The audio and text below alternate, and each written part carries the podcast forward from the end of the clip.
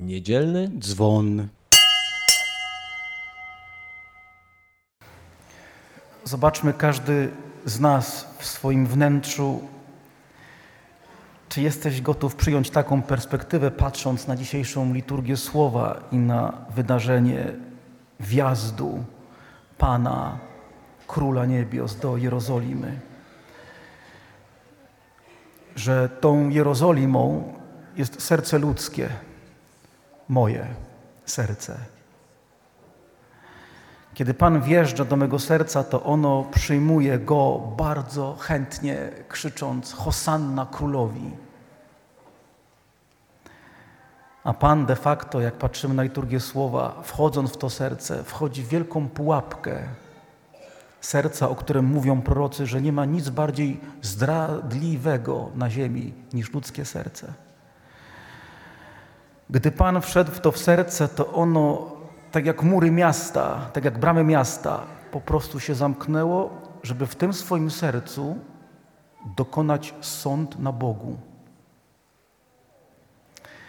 W tym sercu Chrystus Pan znajduje pogaństwo, które symbolizowane jest przez e, legiony rzymskie. W tym sercu znajduje niewierność, zdradę uczniów. W tym sercu znajduje wyobrażenia wierzących faryzeuszy, którzy mają wizję, jak Mesjasz powinien się objawić światu i człowiekowi i jak powinien dokonać zbawienia. I Pan, wchodząc w to serce, przechodzi przez te wszystkie postawy ludzkie, które jednego wyszydzają, inne chłoszczą, inne sobie z niego kpią, inne mówią, że Ty chyba inaczej powinieneś zbawiać. I on, jak mówi dzisiaj list do Filipian, będąc Bogiem, używając bardzo mądrego terminu filozoficznego, teologicznego, transcendentnym, czyli będącym Bogiem poza czasem, poza materią, poza naturą, poza fizyką, będąc odwiecznym, rezygnuje z bycia Bogiem, stając się człowiekiem, wchodząc w pułapkę ludzkiego serca i idąc aż na sam koniec, do końca ich umiłował.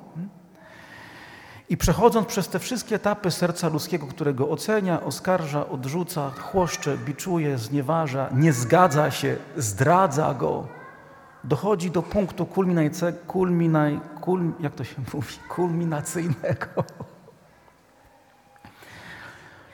w którym spotyka łotra, przestępcę. Ten przestępca to także jakiś wymiar serca, który jest we mnie. I tam na końcu następuje spotkanie, dochodzi do spotkania tak naprawdę Chrystusa, który zbawia z osobą, która wierzy, że może być zbawiona. Wołacz, Jezu, wspomnij na mnie. I Pan daje mu komunię z sobą samym, a więc to, za czym tęskni ludzkie serce. Dziś ze mną będziesz w raju. To są ostatnie słowa, które Chrystus Pan, Król Niebios, kieruje do człowieka. Później już tylko zwraca się do Ojca, oddając Mu swojego ducha. I to wszystko dzieje się nie w Jerozolimie jakiejś tam w Ziemi Świętej, tylko w moim wnętrzu.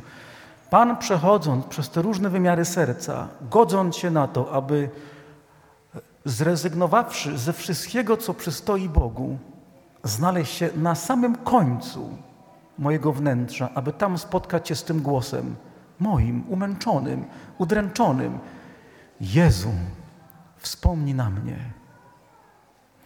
Po to ta kenoza, czyli zrezygnowanie z bycia Bogiem, żeby dotrzeć na sam koniec, bo On wie, że jak się już przez te różne warstwy naszego wnętrza przebije i będzie ukrzyżowany, spotka tam prawdziwego mnie, prawdziwego człowieka, który wiedząc w jakim jest stanie wewnętrznym, duchowym, mając swoją historię życia, która go doprowadziła do tego punktu, w którym spotyka Pana, może bardzo szczerze, z wnętrza, z głębokości, de profundis, zawołać wołaczem: Jezu, wspomnij na mnie.